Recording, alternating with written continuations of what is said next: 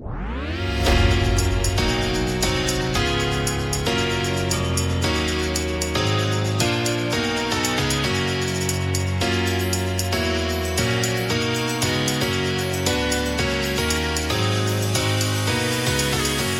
hallå i stugan! Ska ju du säger Robin då och inte jag egentligen. Eller hur? Flink är tillbaka i eh, VM-stugan. Han liksom eh, bäddar in sig i handboll och lägger sig i soffan med en filt över och tittar på allt han kommer över. Är det så det går till? Ja, så går det väl kanske inte till riktigt ikväll men eh, jag fick ju nästan lite så här nostalgi.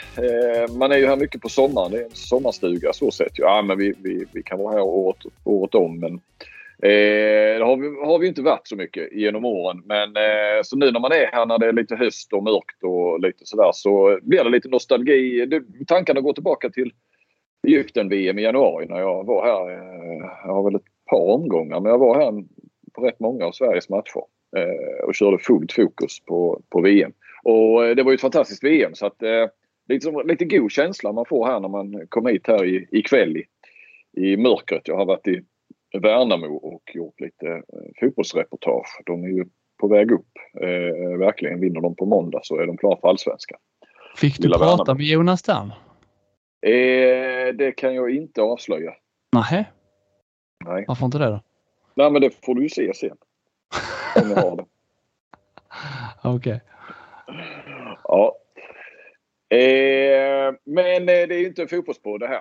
Utan eh, det är ju en handbollspodd och ni ska vara varmt välkomna. Det är två veckor sedan eh, och det är dags igen. Vi eh, sparar Stockenberg till nästa avsnitt.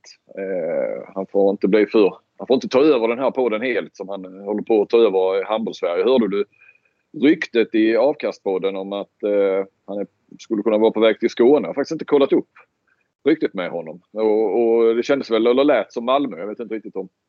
Ja, det är väl Malmö. Han har ju utgående kontrakt där ju. Mm. Eh, Tönnesen. Ja, och, och eh, har ju varit där länge och jag kan förstå om Malmö letar efter någonting annat. Känns som en eh, god fit det också, liksom Stockenberg, Malmö. Eh, det är lite, Malmö är lite så outsiderklubb ju. Nej, jag, jag kan mm. se honom i svart faktiskt, Stockenberg. Mm, mm. Ska vi eh, sparka igång den här med, med eh, Mikael Franzén kanske? Mm. Eh, vilken av? För att uh, Mikael Franzén känns det som att han har ju varit uh, rätt aktiv i, under de här två veckorna där vi har uh, följt, följt liksom, debatten lite på håll så och inte riktigt talat om honom. Men han har ju figurerat i olika avseenden. Men du kan väl köra den första vinkeln först. Vi gillar ju vinklar och där, nu, har vi två vinklar på Franzén.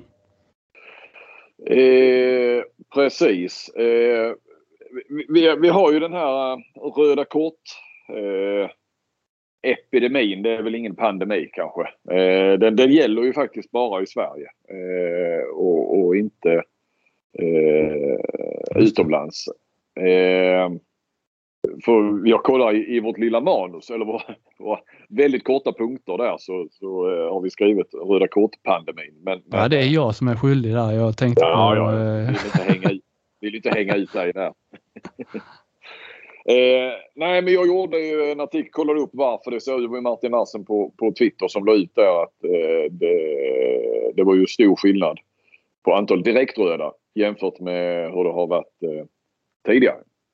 Och då ska vi komma eh. ihåg att eh, redan i fjol, det här är alltså siffror som är stor, alltså skillnaden är enorm eh, i år jämfört med i fjol. Och redan i fjol vill jag minnas att vi pratade om att det var, alltså det var lite samma diskussion då att det var mer i fjol än vad det var året dessförinnan. Så att det är liksom ökningen är verkligen som en coronakurva. Ja, ja det är möjligt. Jag gick ju lite på, på Kurtagic där som eh, menar att den stora ökningen skedde eh, där 18-19. Eh, men det är möjligt. Det är möjligt ja, nej, men det låter rimligt att det har varit och sen liksom legat stadigt ökat lite grann. Jag eh, sökte förbundet för att få eh, statistik över direktröda kort de senaste 4-5 åren. Men eh, jag gick bet. Det gick inte att få oväntat. Eh, eller gick inte för jag fick inget svar faktiskt. Eh, eller jag kollade med jag kollade med Ralf men han hade inte det om det var han och han hänvisade då till eh, förbundets tjänstemän där och eh, ja, nej, det, det blir inget svar på det. Eh, mm, ja, och, och den, kan, den, har ni kanske läst, ni som eh, lyssnar på det här. Och, och eller vad, vad var dina tankar kring, kring just Röda kort-explosionen? Mina tankar är lite samma som det har varit tidigare. Det är liksom en, vi har, I Sverige har vi den här eh, farliga mixen. Det har ju blivit en farlig mix med eh, försvarare som är stora och starka och saknar timing och snabbhet och sen då möter de eh, anfallsspelare som är ofta unga, oerfarna och inte har den eh, motståndskraften som, som eh, man har utomlands eller i Champions mm. League eller i de större ligorna. Liksom. Mm. Det är ju mycket sånt. Det dyker upp andra röda kort också, armbågar som är liksom eh, bara rent fult och dumt. Men det är ju fortfarande mycket så att det knuffar upp eh, när, de, när man är i luften. Liksom. Ja, eh, Kurtagic tycker också att de börjar få lite bukt med dem. Att det inte är så mycket knuffar med raka armar och så utan att det har blivit liksom mer de här slag i ansiktet. Mm. Eh, och ja, jag vet inte vilket som är värst. Det, det, det behöver vi ju inte rangordna. Men, men det är ju sorgligt när man får väck det ena så, så är det som att det måste komma någonting annat. Mm. Eh, och ersätta det. Eh, jag vet inte. Jag tycker nästan slag i ansiktet nästan är värre på något vis. Eh, ja, några, några, av dem man har sett eh, har ju varit rätt fula. Eh, alltså hårda liksom. Inte att det vi har sett armbågar i ansiktet liksom. Det, det är ju farligt också. Ja, ja det är det och det kan ju de här knuffarna med raka armar man landar, landar fel. Men det, där känns det som mer som jag vet inte, bara dåligt försvarsspel. Det, det känns mer ska man säga, cyniskt och, och, så med slag i ansiktet. Som att man nästan försöker eh, Ja men man, man försöker dölja det mer. Alltså de här knuffarna med raka armar är väldigt synliga. Det, det är ju det är så, det är så dumt att ge sig och, och, ja, och tro att man ska komma undan. Mm. Eh, men eh, ja, men eh, kanske det om det. Men, men eh, det Franzén också. Jag fick aldrig till någon. Eh, det blev ingen. Jag tänkte nästan göra en, en artikel till på vad ska man säga, på ämnet. För Franzén hade han var rätt så upprörd över eh, att, det, den här, att det filmas mer och mer i handbollen och framförallt det han var upprörd över var att, eller han var upprörd över att det filmas såklart och eh, liksom att vi, eh, risk att man går mot mot fotbollen och där det nästan är en eh, som han menade experter i tv och sånt sitter och säger hur smart han är som, som filmar där och att det nästan hyllas och så. Han var rädd att man kanske till slut hamnar där i handbollen också. Och, eh, det vill vi såklart inte och han menar vi handbollen kan sitta på ett höga hästar med gentlemannasport och sådär och så Där filmningar vanliga vanliga och det han också retar sig på var ju att domarna ska ut, han har ju varit med på någon sån här konferens eller vad det heter, eh, information och sådär. Domarna skulle väl försöka beivra det här nu och mer eh, beivra det här filmningar och så att man skulle kunna åka på gula kort och, och, och två minuter. Men när jag pratade med Franzén då för en vecka sedan väl, eh, så sa han att han har inte sett, han har sett, han har, det är liksom två, tre filmningar som borde vara ja, utvisning eller gula kort. Så som det kan bli i fotbollen numera. Ju. Om du mm. filmar för tydligt så kan du åka på en varning. Eh, han, har sett, han menar att ett par tre i varje match han ser och som han klipper och, och så vidare. Han klipper ju rätt många matcher. Så att, eh, eh, men sen kom det faktiskt, jag tror det var en omgång eh, som spelades där, eller matcher som spelades sen samma kväll eller kvällen efter tror jag det var. Och då fick jag faktiskt ett sms att nu kom eh, första, om det var gula kort eller två minuter för filmning. Så det, det, det var liksom en tummen upp från honom där. Men han vill ju se ett krafttag mot det. Eh, och... ska, vi, ska vi ursäkta honom? Nu är han ju liksom, Alingsås är ju de som har dragit på sig de har tagit på sig flest röda av alla lag eller direkt röda är det eh, Vad har vi? En, två, tre, fyra, fem, sex röda. ja men det är fyra direktröda, lika många som Guif tror jag va? Okay. Mm. Det var fyra direktröda då, jag vet inte. Det kan ha trillat in någonting till senaste veckan. Jag gissar att det spelar lite roll att han inte är nöjd med alla de här röda korten. Nej, alltså det, nej, det är nog, nej, men det är nog Du vill försvara honom? Mm. Ja, men det är inget han skyller på filmning eh, av dem. Sen så tycker han någonting som inte kan... Eh, han sa, jag tror typ tre av dem tyckte han var rätt. Så var det någon annan som hade studsat upp från golvet eller på något vis och det såg ut som... Nej, jag, jag vågar inte ge mig in på. Jag har inte själv sett den. Men eh, de andra då ytterligare två var väl liksom inget snack om. Så att eh, nej, det, det, var inte det utan han menar nog mer generellt så när han har sett matcher och klippt matcher och så vidare. Så att det, det, är mycket, det är mycket filmningar och framförallt att inte man bestraffas.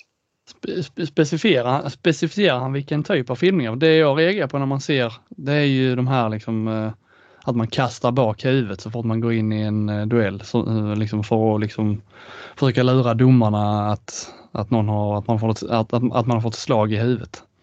Det ser man ju mm. allt oftare att huvudet åker bak stup i kvarten. Ja. Det är skitsvårt med för domarna måste det vara alltså.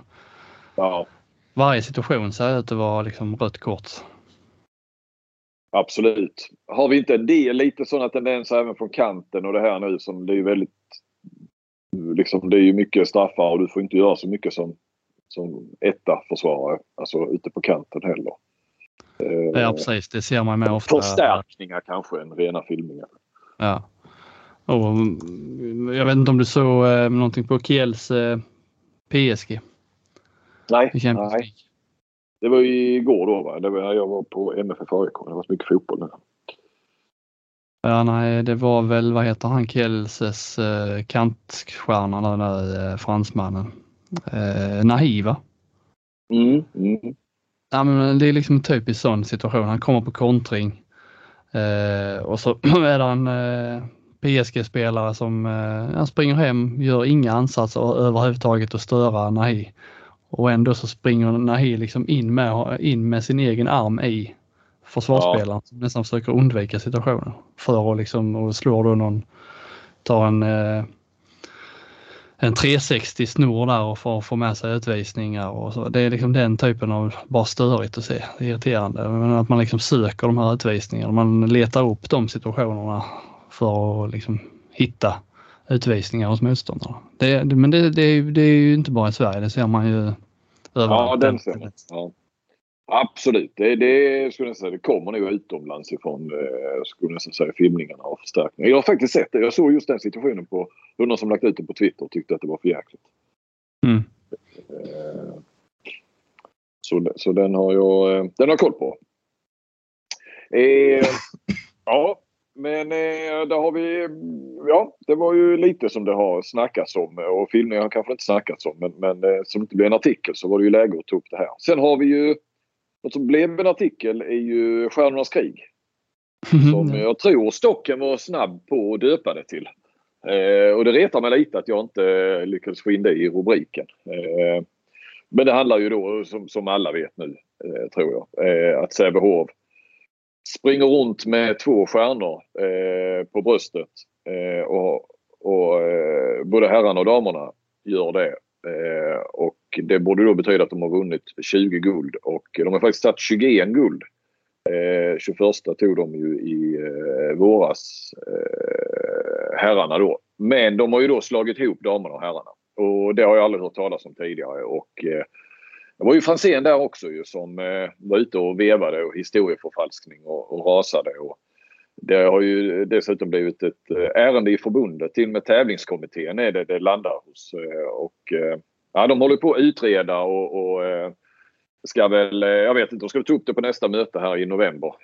Så får vi se. Men det kommer inte bli... Sävehof kommer, om de vill, kunna fortsätta att göra, spela med, med de här två guldstjärnorna säsongen ut. Det blir liksom... Om det, det finns ju inga regler kring det. Eh, berättade för förbundet. Så att, eh, det är väl det som det förmodligen ska bli och jag kan tänka mig att det blir.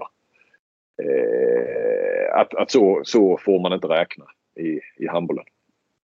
Nej, och så får man inte räkna någon annanstans heller. Nej, Eller få, få, få, få, jag vet inte i, vilka, i hur många länder det finns ett regelverk kring det, men det verkar liksom råda en eh, samsyn i alla idrotter i, i alla länder vad som, vad som gäller där. Förutom i, i, eh, i Sverige då. Men matchtröjorna, ja. de måste ju spela med dem resten. De är väl eh, tryckta och färdiga. Man trycker väl inte upp nya matchtröjor. Eller man, man syr väl inte på de här stjärnorna. Är de väl tryckta så finns det ja. väl ingen återvändo.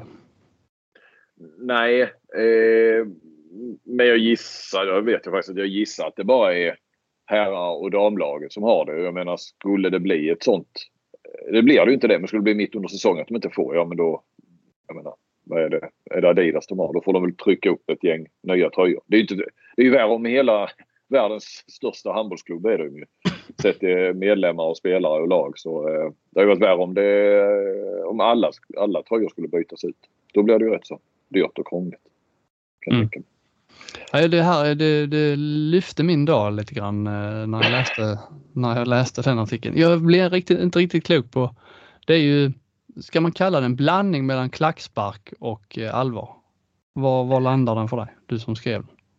Ja, nej men det är klart att det är en klackspark. Eh, om då idrott överhuvudtaget är viktigt så, så är inte detta bland det viktigaste.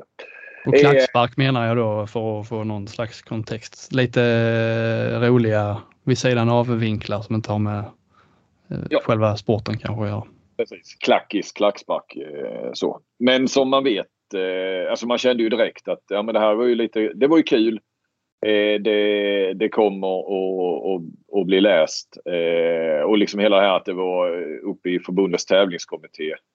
Eh, och, och, man fick tag i de olika parterna. Och sen hade vi ju då Franzén som liksom rasar. Men, men det är ju klart att Alltså, jag, du frågade ju mig eh, och Stocken där i vår lilla chatt där om eh, liksom, är, det med, är det med glimten i ögat han säger det eller är han, är han allvarlig? Och, jag får nog svara, ja, jag, jag som pratade med honom. Jag får nog säga både och på något vis.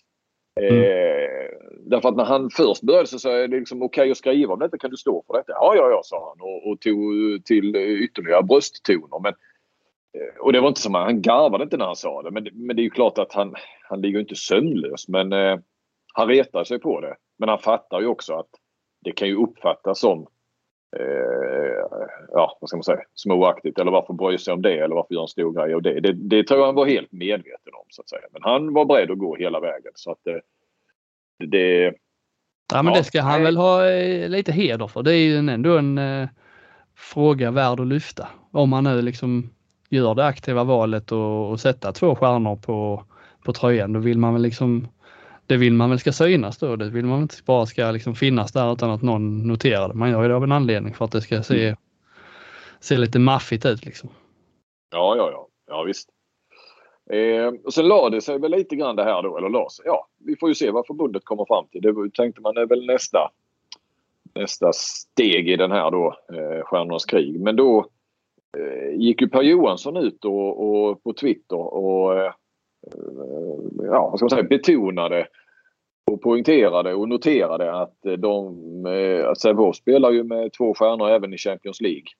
Eh, damerna nu då. Och det tyckte han var, eh, ja det var ju liksom någonstans en gräns som tyckte han då passerades där. där eh, det skulle ju då i det sammanhanget betyda att man har vunnit Champions League två gånger.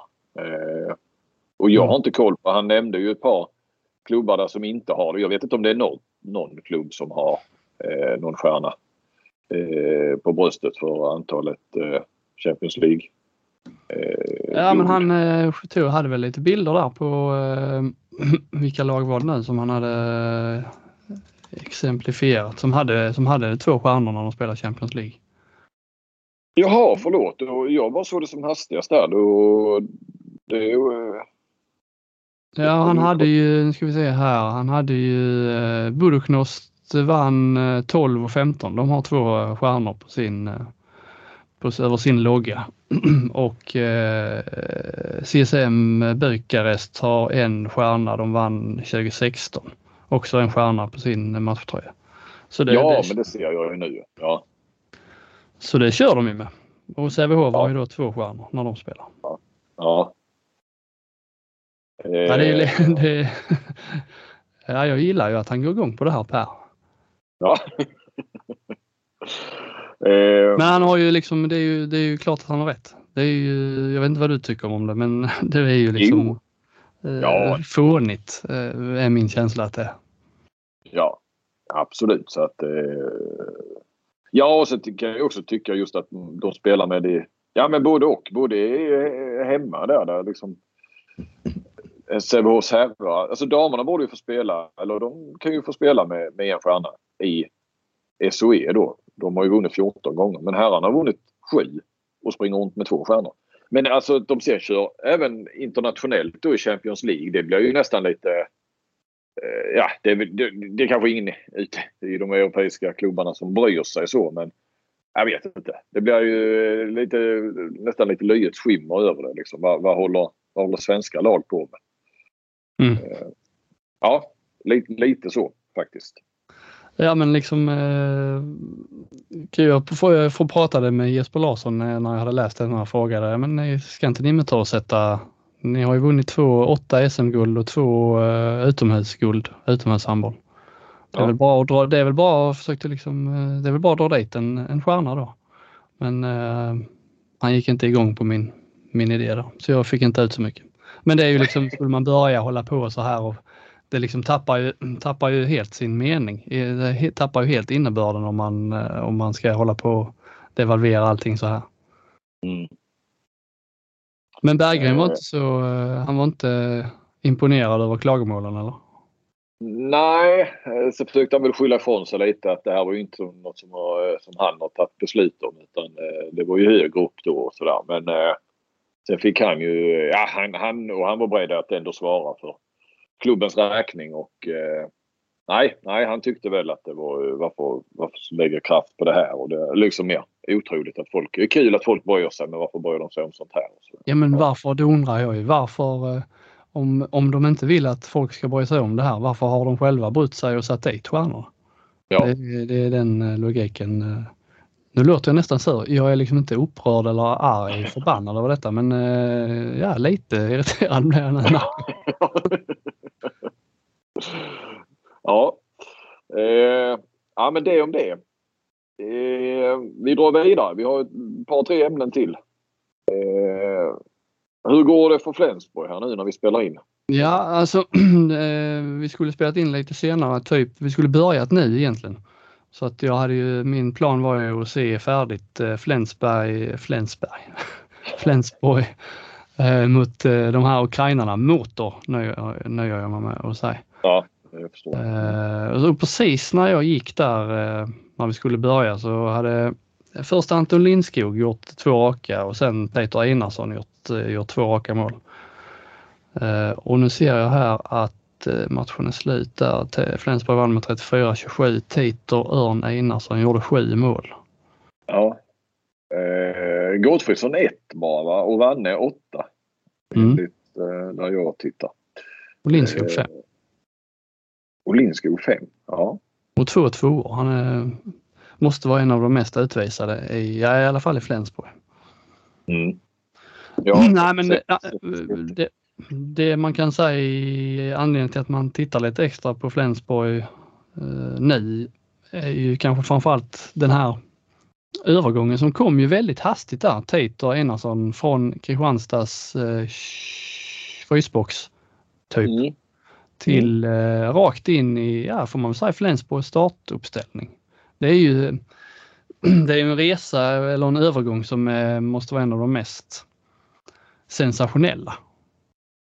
Om man liksom ja. Eh, bortser, visst Flensburg har skador och så här men eh, om man bara tittar på fakta, var, var de här parterna har befunnit sig så här långt den här säsongen.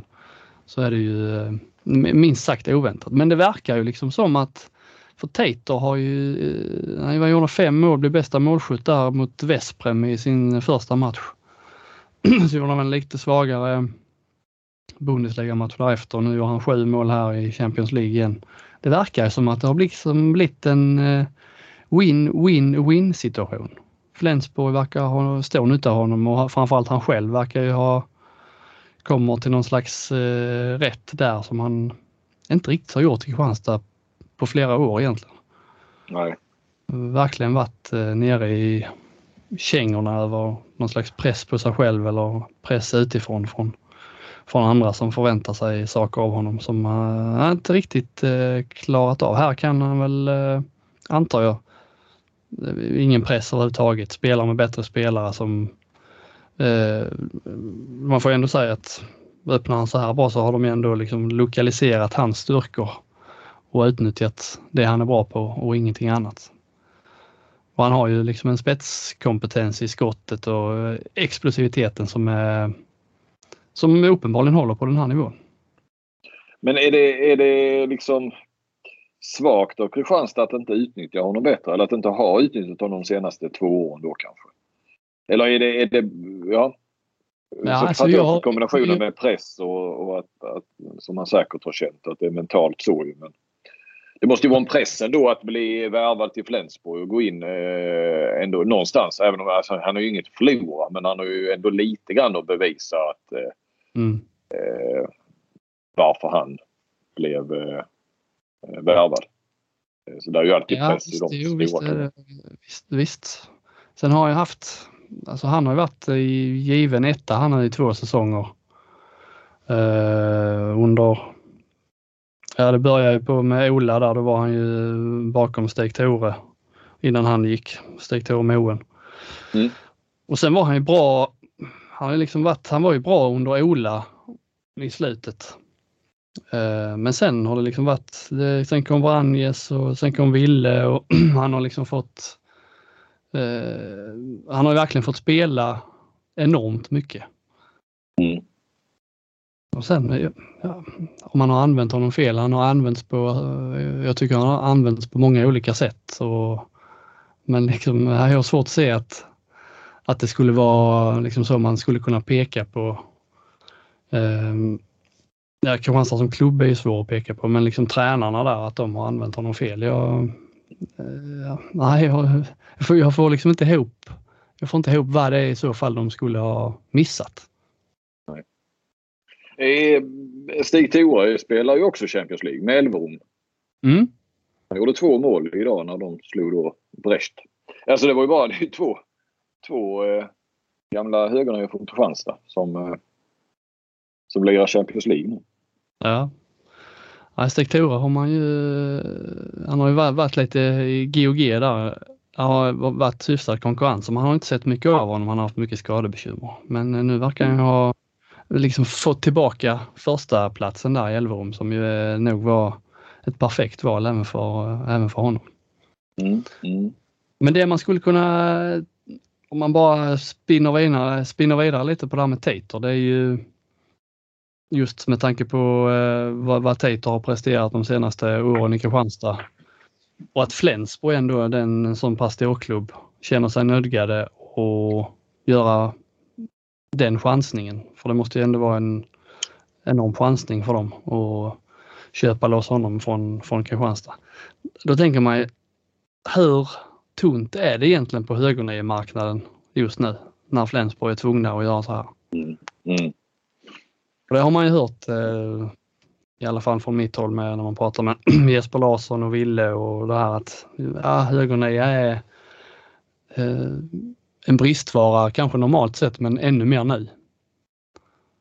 Ja det, är, det kanske det är. Eh, ja det är som du säger, det, det har man väl alltid hört att, att det är en bristvara. Men eh, att det skulle vara, det, ja det är möjligt. Att det är värre nu än, än tidigare. Ja kanske som i tillgång, ja jag, jag tänkte, ja i Sverige kanske eller i ligan här hemma men kanske även internationellt då. Uppenbarligen. Ja, men, ja precis. Att det liksom inte tycks finnas. Nej, det finns inte så många att välja bland om man ska upp på, ja, på Flensburgsnivå men kanske också liksom eh, vår nivå här. Kristianstad, Sävehof, alltså de här klubbarna som vill ut i Europa och, och, och spela. Eh, samtidigt är det lite konstigt.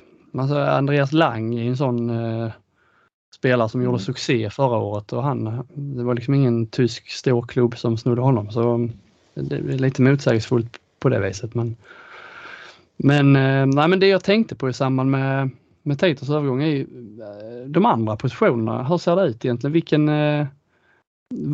om det nu verkar vara så här lätt då, man kan underprestera i, i Sverige i två år och ändå komma till Tysklands kanske bästa klubb. Var är högernia den enklaste positionen att bli proffs på? Eller är det någon annan position som är ännu svårare att ta sig eller lättare? Eller hur, om, om du får börja liksom, vilken position mm. hade du valt om du sa i 14-årsåldern. Jag vill bli handbollsproffs. Och du hade fått välja fritt vilken position du skulle spela på. Mm. Ge mig ja, du kan, eh, den lättaste vägen. Du kan skjuta med båda händerna. Ja. Eh, ja, men då måste man ju säga eh, högernie. Alltså det, så måste det vara. Mm. Eh, jag, jag, jag har varit lite inne på det spåret när jag pratar med folk kring eh, vad, vad handbollsspelarna tjänar och så. Eh, och gjort några genomgångar på, på landslaget. Och det, det är liksom inte så att jag... Eh, och det är ju ingen hemlighet att man... Det blir liksom grova bedömningar som nog i och för sig, alltså jag tycker att jag pratar med så många som ändå är så insatta att eh, det blir bättre eh, kvalificerade gissningar än vad många andra skulle få ihop. Mm. Eh, alltså det är ju vem som helst ska göra det jobbet så, som jag gjorde men, men det handlar ju om att prata med, med mycket folk och rätt folk. Med, sådär va. Så det, det är ju aldrig så när man gör sådana, det, det, kan man ju säga, det är ju aldrig så att det är ju nog inte en enda som är, som är helt exakt rätt. Eh, alltså mm. det är ju ingen sån som säger att jo, men jag vet att Jim Gottfridsson tjänar eh, 110 000 euro netto i månaden. Det är det ju inte. Men, men som sagt kvalificerade gissningar och framförallt lite det här. För det finns ju, de jag pratar med hade ju så, så mycket koll att det finns ju och, och många spelade i Bundesliga när jag gjorde den senast att, att vet man pris, vad ska man säga, lönebilden så att säga så sen, sen kan ju någon eh, liksom ha träffat helt rätt med, med, med en klubb som var i väldigt behov av en sån spelare då, där och då och uh, har lite högre än, än, uh, än vad man borde ha eller tvärtom. Uh, det mm. kan ju vara små, små omständigheter och så. Men då målvakter är ju välbetalda. Så, så, och högernior. För det finns inte så många bra och målvakter är väldigt viktiga också. Alltså det, den som är svårast, den som har lägst lön generellt är ju vänstersexa. För det finns väldigt många vänstersexor. ja, mm. Det finns ju färre högersexor och kantspelare med all respekt är ju liksom inte lika eh, ja, ska man säga, lika viktiga kanske. Nej, men, eh, nej, men det kan vi slå fast. Det är de ja, det, det, nej. Eh, så, så, man har inte lika stor roll i ett lag. Och sen liksom, är du vänsternia, första vänsternia så är det ju Eh, ja, men det var ju som Kentari alltid brukade säga, eller brukar säga, Königsposition som de säger i Tyskland. Liksom att, den är ju väl, alltså i stora klubbar, vänstern, då är du jävligt välbetald. Men då måste du vara jäkligt bra. Det är ju en tuff konkurrens på mm. andra sidan. Um, så att jag skulle de, de bästa och mest välbetalda är ju vänsternior. Alltså man ser till vilka som spelar som utses till, till världens bästa spelare år efter ja. Det är ju liksom, ja. det är ju inte några mittsexor direkt. Nej, nej. Eh, så att så, så, så sett om man eh, går tillbaka till din fråga om, säg till en 14-åring och, och, som kan skjuta med båda händerna så satsa på högernie. Det skulle jag säga är nog eh, den, den så att säga, enklaste vägen ut och det har vi väl fått bevis för här nu då med, med Tater på sätt och vis. Ju. Mm. Eh, ja, va, sen så är det svårt att gradera. De säger mittnia Eh, det är klart att det är också det är en så stor roll så det är klart att eh, alla vill ha en bra mittnia och då, då får de betala bra så att säga. Det är ju lite som målvakter också. Mm. För, för mig har alltid mittsex har ju varit eh, alltså rövpositionen. Det, är liksom, vem vill, vem vill vara det? Jag spelar ja, du, där. Du. Men varför hamnade du där liksom? Det är ju det var väl inget, var det någonting du själv valde? Jag vill springa på linjen, få mycket stryk, eh, bli nepen. Nej.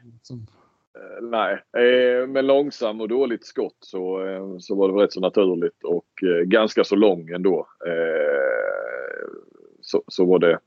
Men jag var så här kantspelare, var ju en usel kantspelare som gjorde ett mål per säsong kanske när man var alltså, väldigt ung.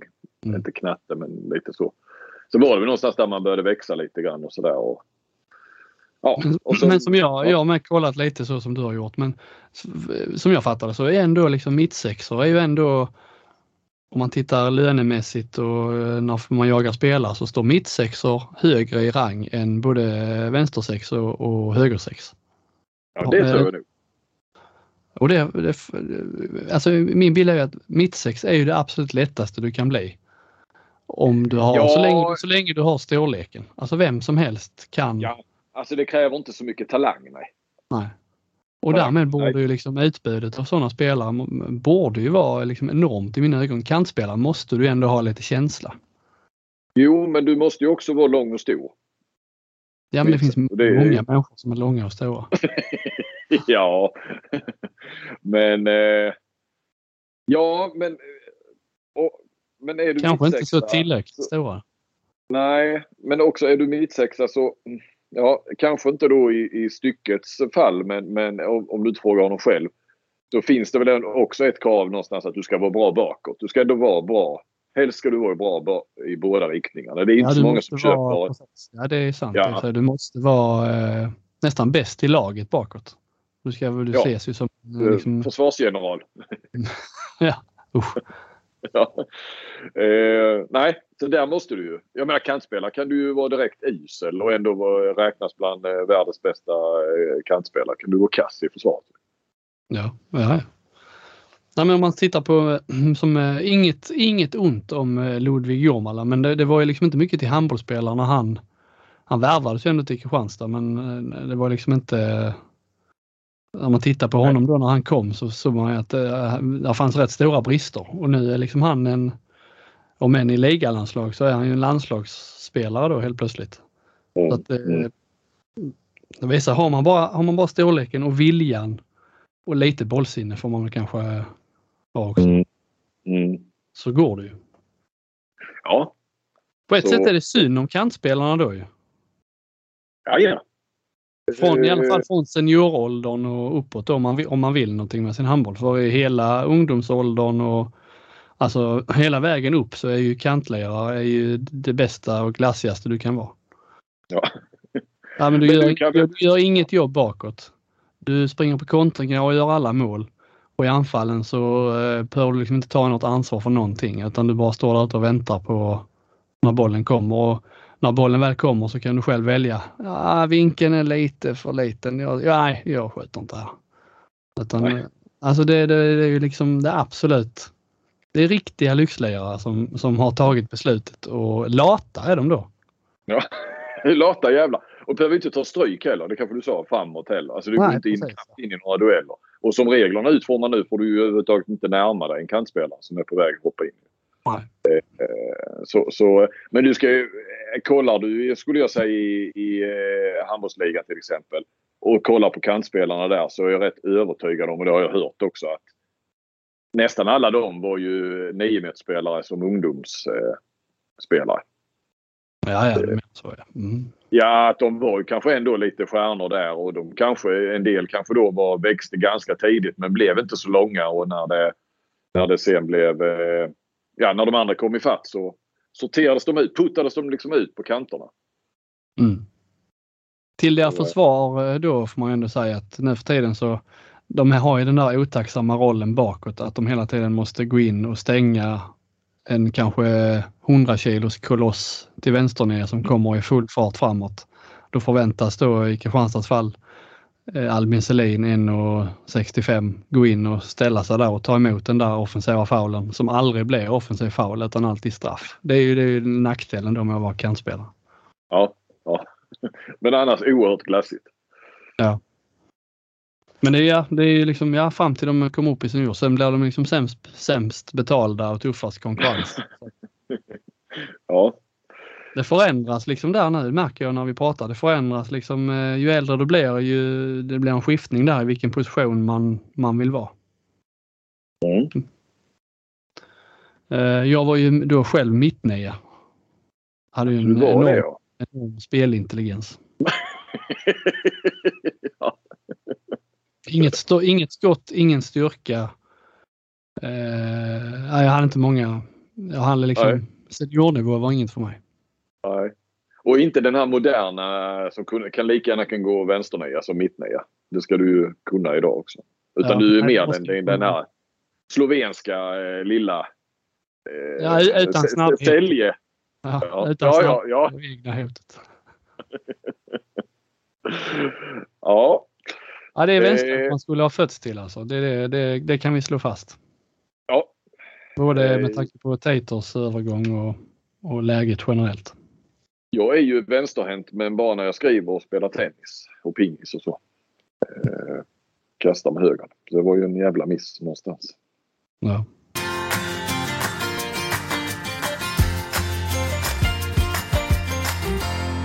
Ska vi eh, komma in lite på damerna eh, har vi två punkter. Eh, vi har eh, pratat med Ola Månsson här eh, nyligen.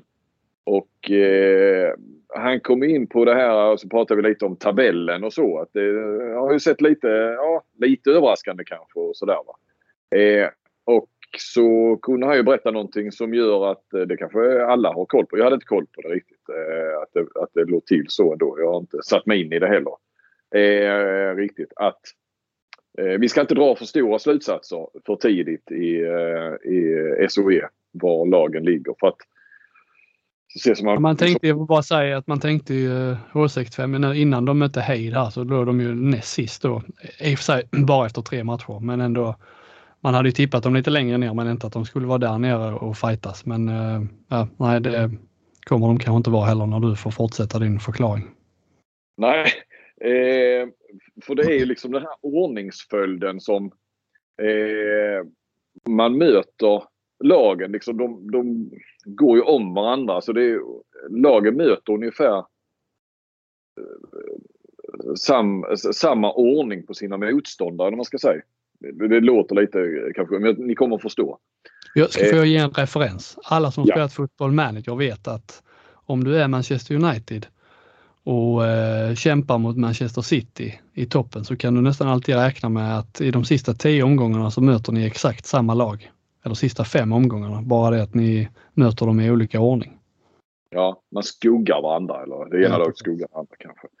Eh, jag vågar inte säga hur, hur, hur det har varit tidigare så men, men, då har det ju fallit sig så den här om det är superdator som har varit inne eller så att eh, eller det är det väl, det är väl superdatorn som gör det här. Eh, så om man tittar på vad man i varje fall trodde på förhand eh, vilka lag som skulle vara eh, i toppen respektive i botten. Så, så har man liksom de hamnat i rad då. Eh, så att du kan du kan, sen bryts det ju lite grann och du är ju själv inblandad i det där ju. Men, men eh, att, att man får på pappret eller på förhand före säsongen ska vi säga. Fyra ganska lätta motståndare i rad. Eh, på pappret som sagt före säsongen. Eh, och sen kan du då ha, och liksom alla får det ungefär. Eh, så, så, så bryts det lite grann och, och, och, så. Va? Det måste ju börja någonstans i början på säsongen. Du kan ju börja mitt i en sån eh, vad heter det? streak eller vad man ska säga.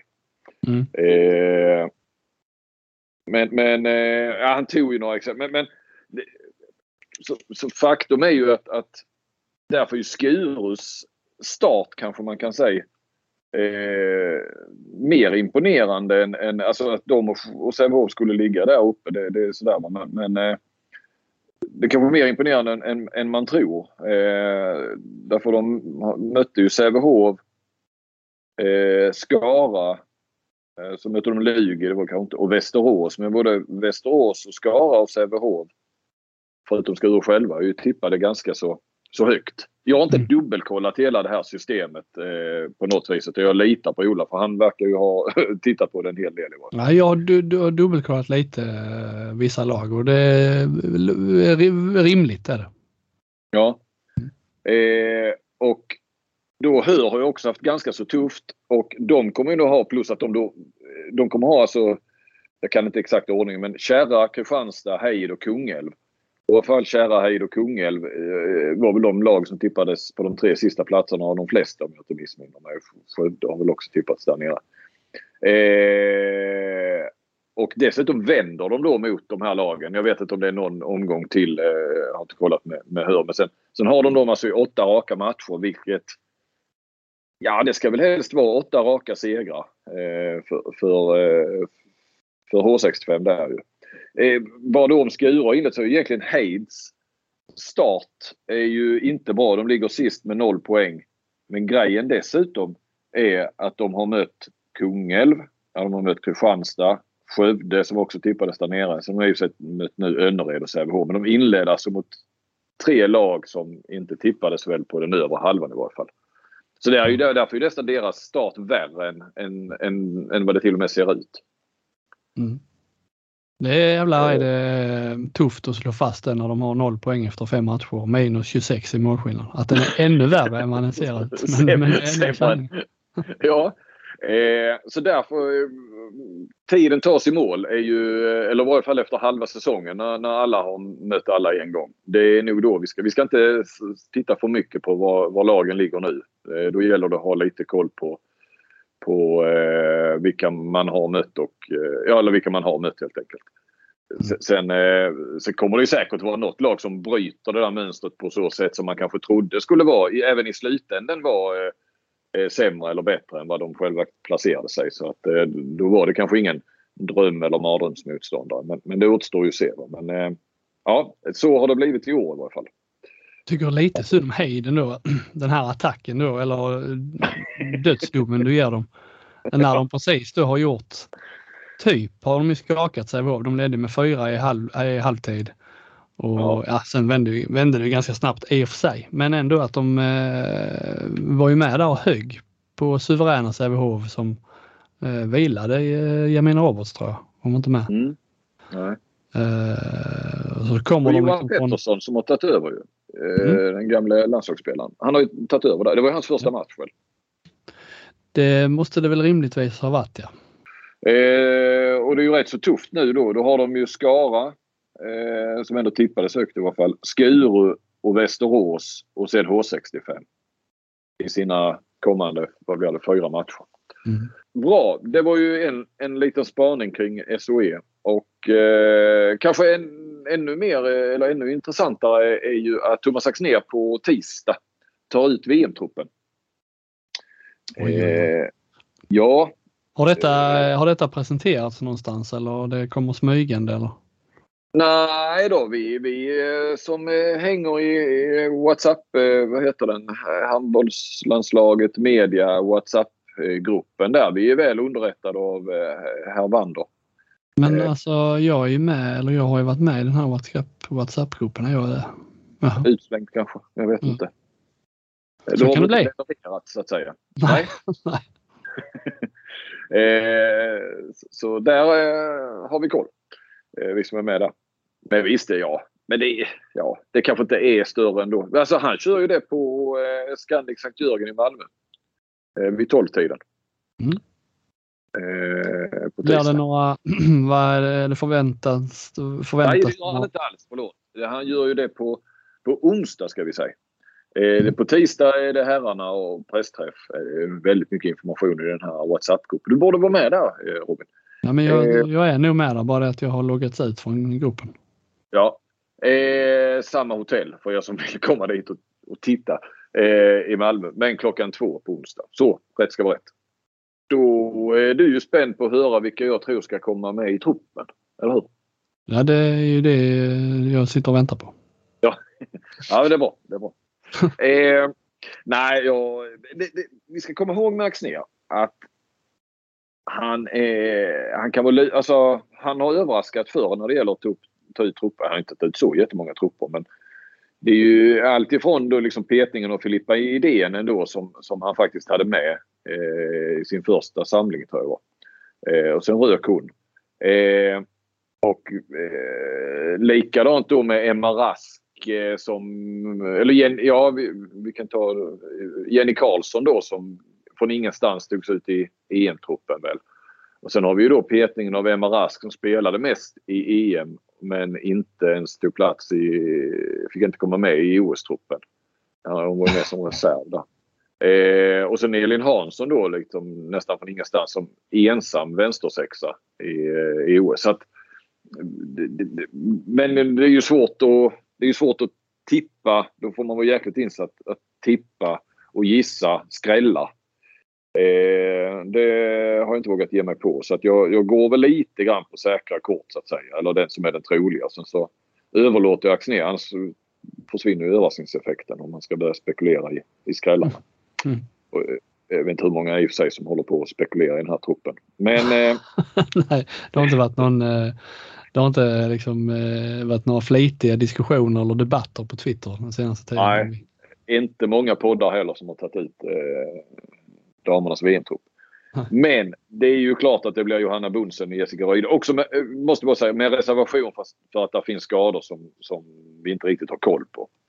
Eh, så säger Johanna Bunsen och Jessica Ryde i eh, mål. Vänster 6. Eh, för, för nu här är det ju 16 stycken till skillnad från 14 i OS. Så här har, han ju råd att ta ut två på varje position. Tror Elin Hansson och sen står det väl mellan eh, Mellegård och Klara eh, Lerby. Eh, Mellegård har ju nu kommit tillbaka från sin korsbandsoperation. Eh, skulle jag säga har ju en större potential. Ah, jag tror på Klara Lerby som var med senast. Men, men, men, det har väl gått väldigt snabbt där för Klara Lerby? Då? Ja, verkligen. Hon kom ju också tillbaka från skada. Ja, rätt eh. in och nu placerar du henne i VM-truppen med. Ja. ja, ja. Konkurrensen ja. på vänstersex borde ju vara enorm ju. Sett till vår tidigare diskussion. Men... men just i damlandslaget är den ju inte det. Nej. Eh, även om eh, Emma Rask faktiskt har gjort det bra i, i H65 här nu så eh, ja, det skulle väl vara konstigt att ta tillbaka en helt plötsligt. Eh, mittsex Lindblom, Anna Lagerqvist, inga konstigheter. Eh, högersex, eh, ja, det blir Matilda Lundström och eh, Hagman. Eh, sen kommer vi till vänsternio då ju. Eh, vi har alltså 2, 4, 6, 8. Vi har åtta platser kvar att fördela. Eh, vi har ju förstås Jamina Roberts eh, given på vänsternio. Eh, ja, Melissa Petrén eh, har ju inte övertygat på, på eh, några mästerskap nu här eh, och kval och sådär. Så, men jag tror ändå att hon är med. Eh, jag, sen Jenny Karlsson var ju skadad och inte med på den här samlingen i oktober var det väl eh, nu här. Eh, och vad jag kan se, hon har inte spelat de tre senaste matcherna i, i danska ligan heller så att eh, jag tror att hon inte är med därför, så att hon fortfarande är skadad. Jag har inte hunnit kolla upp liksom vad, vad problemet är. Och det är ändå en bit fram ju. Till, det är ju en eh, månad till innan det är dags för, dags för VM. Men hon, hon har väl knappt spelat i höst då. Eh, Karin Strömberg, eh, given på mitt nio. Eh, Emma Lindqvist, eh, var, var man nu ska använda henne tror på två vänsterhänta högernior. Eh, Nina Dano och eh, Kupang. Eh, så då eh, har vi ju två platser eh, kvar helt enkelt. Och ja, Kristin Thorleifsdotter eh, är ju fortsatt eh, liksom sliten och dras med skador och skit. Eh, så ja, och sen har vi Linnea Pettersson som eh, var med senast i landslaget. Så att, eh, och det, det, handlar ju lite så här att täcka upp försvarspositioner och så också. Så att, eh, jag tror på Linnea Pettersson och eh, Thorleifsdotter också. Och att eh, då förutsatt att Jenny Karlsson eh, missar. Eh, på Höganäs ska vi nämna att Hanna Blomstrand har kommit igång igen. Eh, och, och är den som spelar mest nu i, hon är väl kvar i Köpenhamn. Va? Eh, av, där hon typ var trea på, på positionen eh, på högernio eh, när säsongen började. Men är den som spelar mest här nu på sistone. Så att, eh, tre, ja. tre högernior alltså. Där var det helt plötsligt gott. gott ja. Stämmer inte alls på damsidan. nej, nej. Eh, så där har du. Vem, ja, vem ska då känna sig mest besviken över att inte komma med? om det blir den här truppen? I och med att det var, det är svårt att säga, i och med att det var ett OS senast med bara 14 spelare så är det faktiskt spelare som tillkommer. Eh, för det här, förutom då Jenny Karlsson, hon är skadad, så är väl alla som var med i OS med här då. Då har jag inte riktigt, jag har inte liksom räknat på det men det måste det väl vara. Mm. Inget Tror jag, jag saknar. Nej, nej. Så att det, det, det, är ju ingen petning på det viset om vi bara kopplar från mästerskap till mästerskap. Och det har ju bara varit en samling däremellan. Eh, de Jong eh, var, kom ju med senast eh, efter återbud. Eh, kanske en eh, utmanare. Eh, om då eh, jag menar inte Thorleifsdotter med så tror jag det mer handlar om, om skador och så eh, än ren petning. Eh, ja. ja, men där har ni väl namn. Så ska det väl med en, en eh, extra målvakt också då. Men det är, om det är Rebecka Nilsson eller Sofie Börjesson i Sävehof kanske. Eh, ja, det finns eh, så. Men det, men det är Bunsen och Ryd är jag helt övertygad om är, är ordinarie duon. Mm. Eh, jaha Flink. Får jag bara ta ett eh, snabbt svep från handbollsligan? Ja. Lugis kris verkar vara över. Slog Malmö här tidigare ikväll innan vi började spela in. Eh, seglar upp som eh, ny tolva där. Har både Önnered... Seglar upp som tolva. Ja. har både Önnered och eh, RIK bakom sig. RIK som ju eh, bara har en enda seger där mot Kristianstad som ju nu då är formstarkaste laget i ligan. Nu har de mm. mött, mött lite, lite svagare lag på pappret kanske. Eh, nyhetssvep 2. Kristianstad skickade mycket riktigt in den där överklagan till RIN. Vi tänkte ju att vi skulle ta ett specialavsnitt om det men vi kan väl vänta till det har kommit, eh, kommit något utlåtande från eh, Riksidrottsnämnden, eller? Mm, mm. Jo, vi väntar med det specialavsnittet. Det gör vi verkligen. vi tar in Stockenberg där också. Ja, det, ni kan köra det avsnittet utan mig. ja. Uh, ja, det var nyhetssvepet från uh, kvällens handbollsliga. Ska vi ha ett, ett uh, en ursäkt är väl fel att säga men, men att vi kanske var lite snett ute när vi uh, ifrågasatte i podden var det väl i våras då att Erik Johansson gick till Elverum. Uh, Elverum imponerar. De slog ju, vad heter de nu, Belaruslaget Brest va? I, Meshkov, Meshkov Brest. Meshkov. Mm. På, på bortaplan har väl tagit tre raka och Erik Johansson eh, väldigt mycket förtroende. Både framåt och bakåt. Och, mm. eh, när man ser honom, jag har sett lite grann på Elverum i de här Champions League-matcherna. Så, han ser, så, han ser fasen inte ut att vara 21 år gammal. Alltså, Nej, ser, eh, exakt vad jag med tänkt. Han ser ut som, alltså liksom hur han för sig. Tyngden ja. och hela det där. Han ser oerhört rutinerad ut. Eh, måste vara handbollsvärldens äldsta 21-åring. Ja. Eh, Nej, vi kritiserar det lite. Eller, eh, alltså jag tycker fortfarande det är, det är trist att uh, svenska spelare går till den norska ligan. Alltså när man en sån, sån talangfull svensk spelare lämnar handbollsligan för Norge. Men eh, nej, det är bara att det är bara att vika in hovarna och eh, gissa bättre nästa gång. Ja, eh, och jag vet inte om, jag tror inte jag nämnde det här utan på Twitter eller så. måste nämna, vi pratar Elverum, eh, de har ju väldigt intressant, många unga spelare där ju. Men, men han också, Tobias Gröndahl, han öser in mål en hel del på straff. En liten mittnia Eh, som eh, inte kom med i, här nu i norska A-landslaget utan i det här rekruttlandslaget de har. Eh, mm. jäkligt rolig spelare att titta på. En sån här klassisk teknisk liten eh, mittnia. Eh, så att, eh, och Elverum eh, fick ju ett wildcard och det var väl rätt då med, med sett till jag vet inte vad de, de har. Är det åtta poäng eller någonting de har tagit här nu på sju, åtta matcher kanske. De får eh. passa på att ta åt sig allt, eh, allt, eh, alla ryggdunkningar och allt medieutrymme de får nu för det är väl snart dags för Kolstad att presentera sitt projekt med alla fina ja. namn som är på väg dit. Så då blir det inte så mycket över i Norge. Nej, nej. Åtta poäng på sex matcher bara så att det är ju starkt. Mm. I andra gruppen med tycker jag man, man kan ju nämna Bukarest där ju med Varsas förre tränare. Nu tappade jag Pascual va.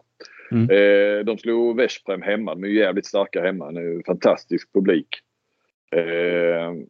Eh, så eh, de har ju ja, i och för sig fyra poäng på, på sex matcher. Det är kanske inte lika imponerande. Men, men ändå, det känns som de har, där har du ju Flensburg som har hamnat lite på efterkälken. De hade bara en poäng fram till i, ikväll. Nu har de ju tre poäng. Så att det kanske ändå blir tufft att gå till, till slutspel. Men eh, de har någonting på gång där, Bukarest. De har väl, han tog väl med sig Sorain Doe med va, som mittsexa där tror jag. eh, Pascual. Men det är kul med lite nya klubbar så ju. Även om det är såna här ja, öststats eh, liksom som dominerar väl på hemmaplan och ja, man kan undra ibland var pengarna kommer ifrån.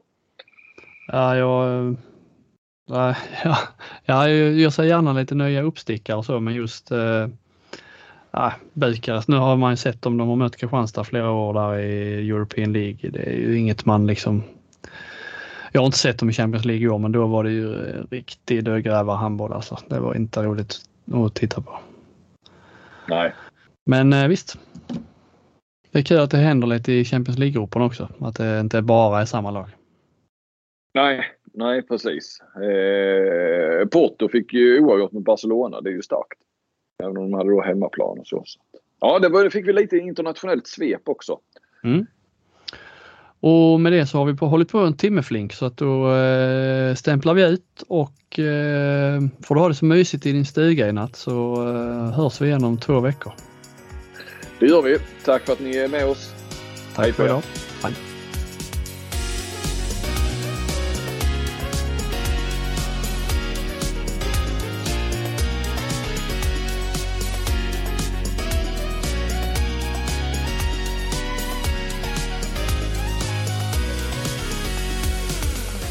Du har lyssnat på en podcast från Aftonbladet. Ansvarig utgivare är Lena K Samuelsson.